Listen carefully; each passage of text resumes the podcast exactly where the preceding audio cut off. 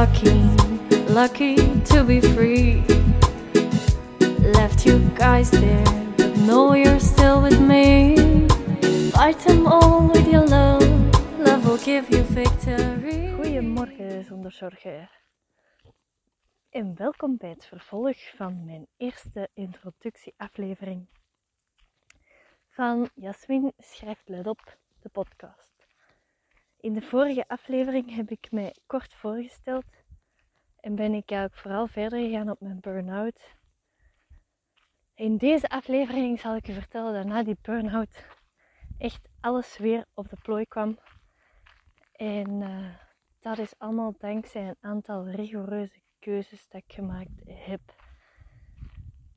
En daarin denk ik ook dat het meeste goud ligt in het leven.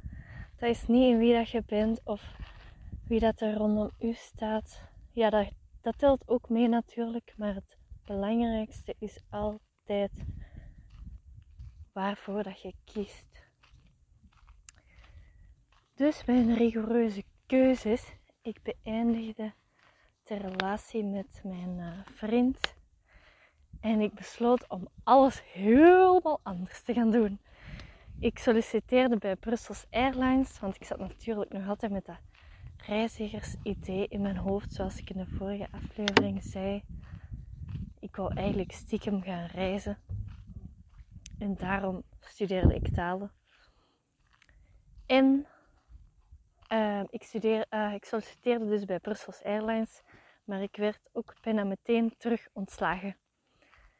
En ja, nee, ik ga daar niet te diep op ingaan, want anders gaat het een hele lange worden. De details daarover, als je die wilt, kunt je lezen in mijn eerste boek, uh, Nacht in een kooi. En uh, dus, na de ontslag bij Brussels Airlines, was ik vastbesloten om te gaan reizen. Ik was juist naar Egypte geweest met mijn moeder op vakantie en eigenlijk zonder verder na te denken besloot ik om een vliegtuig naar daar te nemen en daar dan werk te zoeken. Nee, daar ga ik ook niet verder op ingaan. Daarvoor moet je ook maar mijn eerste boek lezen. Ik denk dat ik dit wel vaker ga moeten zeggen, want ja, hoe het ook draait of keert, ik ben wel een vrouw met een gigantisch verleden. Ik heb echt al van alles meegemaakt. Omdat ik ook heel lang heb geschommeld in het toch maar voor mezelf kiezen of toch maar weer gaan people pleasen. En ja, dat heeft altijd wel gevolgen gehad. Waardoor ik in het begin eigenlijk heel veel um, ups en downs heb gehad. En dan nu mijn leven veel stabieler is geworden doordat ik eigenlijk veel betere keuzes heb gemaakt. En dat hoop ik dat iedereen mag doen in dit leven. Maar dus, ik ging naar Egypte en na maanden rondzwerven in Egypte kreeg ik ineens een telefoontje in het midden van Cairo. Stond er op mijn gsm, uh, Saventim. En uh, ik nam op en dat was een manager van Betoui. En ik had enkele maanden geleden gesolliciteerd en ze vertelde mij dat ik aangenomen was. Ja, excuses als ik hijg, maar ik ben hier op een berg aan het klimmen terwijl ik deze podcast opneem. En dus, uh, ze vertelde mij dat ik aangenomen was bij Tobi. En uh, ik woonde in die tijd bij een gastgezin. Er waren echt... Ah nee, dat ga ik ook niet dat kunt je lezen in mijn aller, allereerste boek. Dat eigenlijk nooit gepubliceerd is, maar dat je wel bij mij kunt krijgen. Ik heb dat zelf uitgegeven in afwachting van een uitgeverij. En eigenlijk precies doordat ik dat zelf heb uitgegeven, ben ik eigenlijk uh, bij een uitgeverij terechtgekomen. Uitgeverijen zelfs. Maar daarover neem ik later nog wel een podcast op, waarschijnlijk getiteld uh, hoe een uitgeverij vinden of uh, hoe ik aan de job van mijn dromen kwam. Ja, dat is een goede titel. Ja, dus als je die aflevering nu zoekt en ze moest al bestaan, hoe kom je aan de job van je dromen? Of hoe ik aan de job van mijn dromen kwam. Ik ga er nog eens over nadenken. Maar één van die twee is het dus. Oké, dus ik was aangenomen bij TUI. En ik had gesolliciteerd voor de functie reisbegeleiding op bestemming. En uh, tijdens die sollicitatie mocht je ook een droombestemming kiezen. En ik weet nog goed dat mijn medische sollicitanten, die zeiden toen, die hadden al bij Thomas Cook gewerkt of bij Neckerman. En die zeiden, ja, maar uw droombestemmingen, die krijg je zo goed als nooit. En toch, als, eh, echt als een wonder, kreeg ik een mailtje van TUI dat ik mocht beginnen werken op mijn droombestemming. En dat was in Egypte, Sharm el-Sheikh. En uh, ik herinner me ook nog hoe ik eigenlijk toen heel hard twijfelde. Want ik voelde aan alles dat ik in dat hotel wou blijven zingen. Ik leidde daar echt het leven van mijn dromen. Nee, dat was echt, echt het leven van mijn dromen. Net zoals nu eigenlijk. Ik, uh, wat ik daar heel veel dagen deed, was zingen, dansen en eten. En ja, hetgene wat ik het meeste leuk vond, met de gasten van het hotel praten. Dat vond ik iets minder. Maar dus ik wou dat leven eigenlijk niet verlaten. En ik herinner me ook hoe dat mijn moeder me meerdere keren probeerde te overtuigen om toch maar voor Toei te gaan. Want dat is dan het rechte pad, hè. Want ik ken eigenlijk niemand dat naar Egypte is gegaan om daar in een hotel te gaan zingen en te gaan dansen. En ja, mijn moeder probeerde me dan te overtuigen met allerlei uh, ja, op maat gemaakte uh, manieren, of hoe moet je dat zeggen? En uh, ja, heel veel liefde voor mijn moeder trouwens. Niks slecht daarover. Maar ze zei dan, ik kon dat volgens haar ook niet maken om zomaar, nu dat Toei mij mijn droombestemming had gegeven, om dat zomaar aan mijn neus te laten voorbijgaan. Ze zeiden van ja, ze hebben nu dan speciaal dat extraatje gegeven. Dus was ik hen wel mijn werkkracht of zo verschuldigd. Vond mijn moeder dan. Mijn moeder is ook heel empathisch, dus dat zal dat wel zijn. Maar dus, eh, ik wou eigenlijk gewoon diep van binnen zingen en dansen. En als ik daar nu op terugkijk, dan klopt dat ook weer. Want toen heb ik ook getwijfeld van waarom wil ik dat nu? Waarom moet ik altijd zo raar zijn? Maar dat is totaal niet raar zijn. Want ik ben echt altijd, van kind af aan, altijd in hart en ziel een artieste geweest. En de keren dat ik probeerde om dat niet te zijn, liep het altijd helemaal fout. Dus dit is ook echt even een hele grote shout-out. Dat we allemaal gewoon keert onszelf moeten zijn. En niet moeten proberen onszelf ergens in te passen waar dat we niet horen. Maar dus, ik besloot toch bij TUI te gaan werken. Want, ja, ik liet me dan maar nog eens leiden. Met een lange ei. en uh, hoewel dat die job eigenlijk niet zo um, verschrikkelijk was als bijvoorbeeld mijn stage in dat eventbureau, maar ik had vooral heel veel collega's die van alles van mij wilden.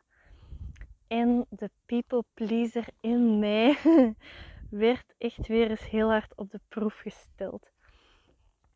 En ik weet dat na nog geen twee weken dat ik eigenlijk voor Toei daar werkte, was ik daar van 8 uur s ochtends tot een uur of 19, soms zelfs 11, vlak voordat ik ging slapen, was ik daar nog aan het werk.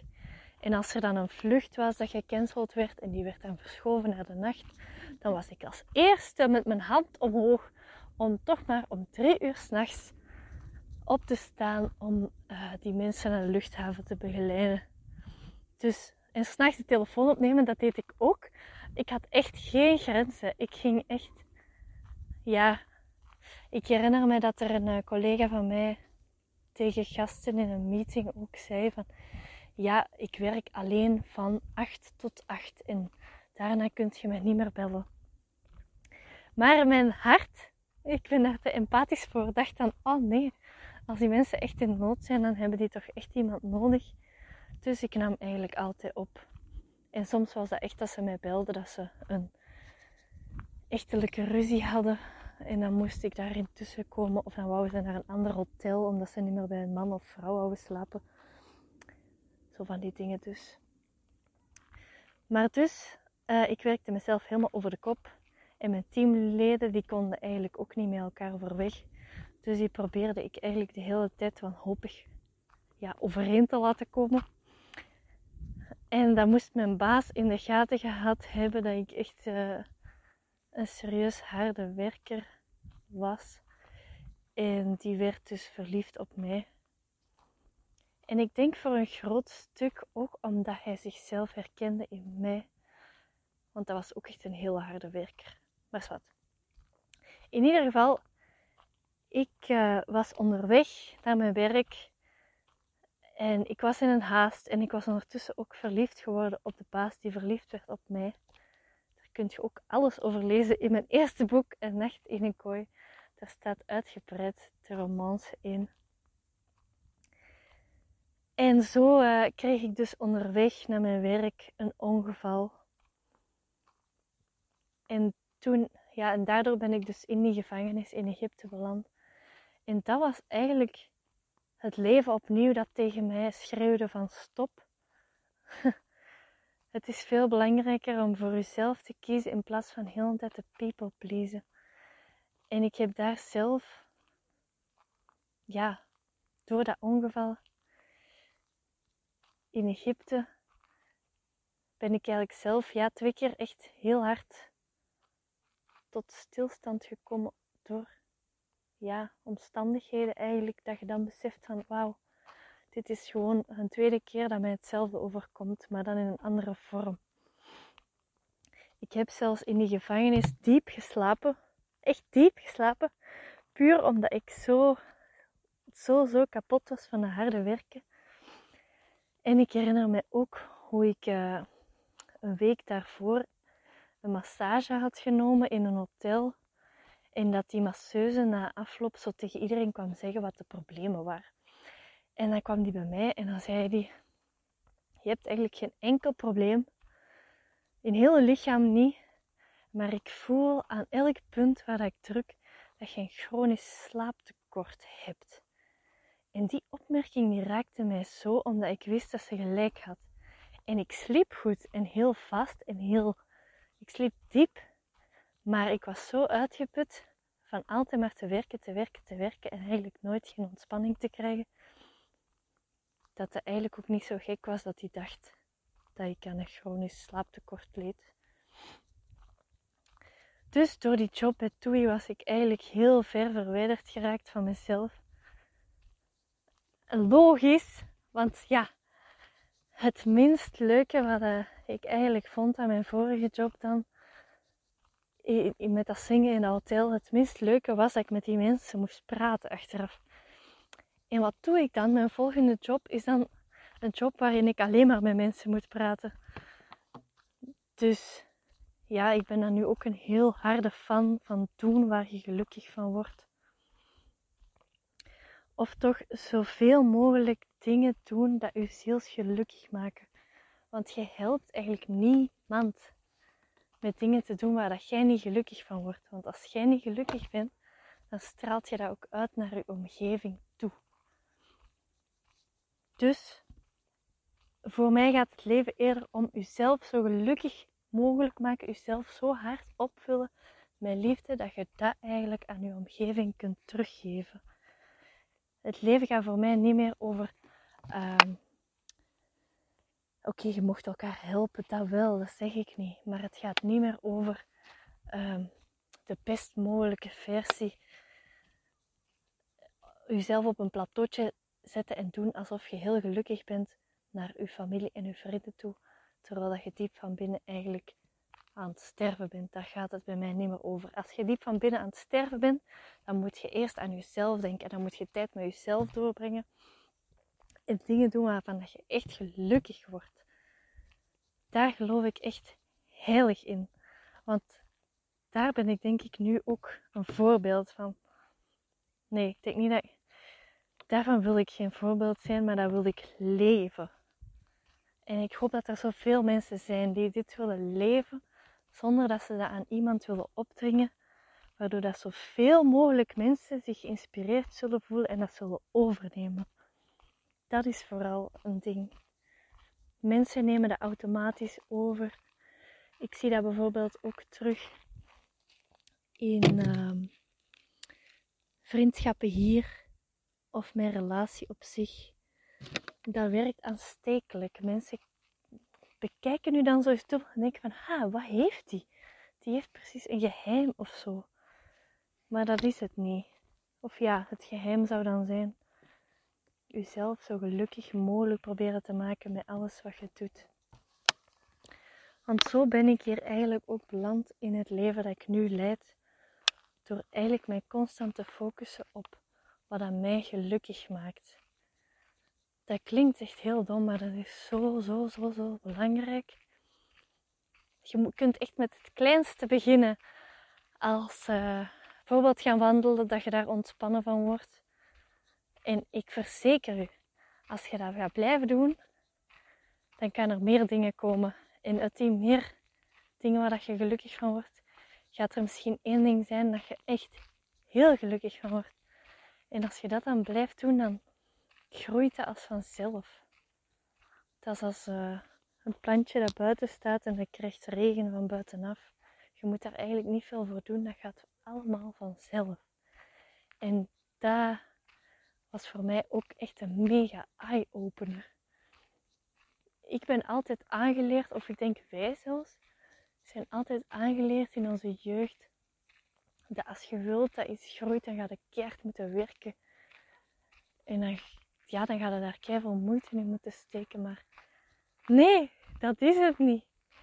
Daar ben ik echt zo hard in wakker geworden. Soms mag het ook gewoon vanzelf gaan. En dat zijn we echt heel hard vergeten. En ik denk net, als je, als je met die gedachte erin staat, van ah, het mag ook vanzelf gaan, dan gaat het ook vanzelf. Want dat is er exact bij mij gebeurd. En ik wil daar nu al van alles over gaan zeggen, maar ik ga dat laten voor alle volgende podcast. Dan zal ik ehm, bijvoorbeeld ook zeggen hoe dat ik aan de job van mijn dromen ben gekomen zonder al te veel moeite. Hoe ik uh, Geronimo, mijn man, vriend, want we zijn niet getrouwd, hoe dat ik die eigenlijk ben tegengekomen zonder al te veel moeite. En hoe dat ik zwanger werd zonder al te veel moeite, zonder helemaal geen moeite. En echt met heel diep respect, want ik weet dat er heel, heel veel vrouwen zijn die het heel lastig hebben om zwanger te worden. Maar misschien dat die ook iets gaan hebben aan mijn verhaal, dat hoop ik vooral. En ik ga het uiteraard nog met jullie hebben over uh, mijn schrijfwerk. En misschien wil ik hier ook wel eens een stukje voorlezen. Maar ik wil vooral heel, heel, heel, heel veel mensen inspireren met deze podcast. Want ik weet dat ik met, die, met mijn boeken doe ik dat al. Maar ik weet dat er ook heel veel mensen zijn die nooit een boek aanraken. Dus laat deze podcast dan alsjeblieft een middel zijn om ook die mensen die nooit lezen te bereiken. Dat hoop ik vooral. Dan uh, hoor ik jullie een volgende keer. En dan wens ik nog een heel, heel, heel fijn verder verloop van uw dag. Of anders als je net gaat slapen, een heel, hele goede nachtrust.